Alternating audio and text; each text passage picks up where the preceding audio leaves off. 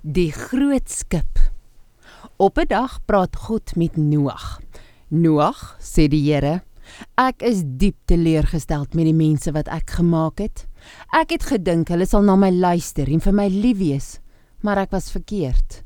Hulle maak net soos hulle wil en hulle steur hulle glad nie eers aan my nie. Noag staan doodstil, te bang om iets te sê, want wat kan hy nou eintlik sê? Wat God sê is waar. Die mense is baie sleg. Toe praat God verder. Daarom het ek besluit om 'n nuwe begin met jou te maak. Jy moet 'n groot skip bou met genoeg plek vir jou en jou vrou en jou 3 seuns en skoondogters en ook vir baie diere. Noag en sy seuns het baie lank aan die groot skip gebou. En toe die skip na jare se werk uiteindelik klaar was, moes hulle kos bymekaar maak vir hulle en vir al die diere wat saam met hulle in die skip moes bly.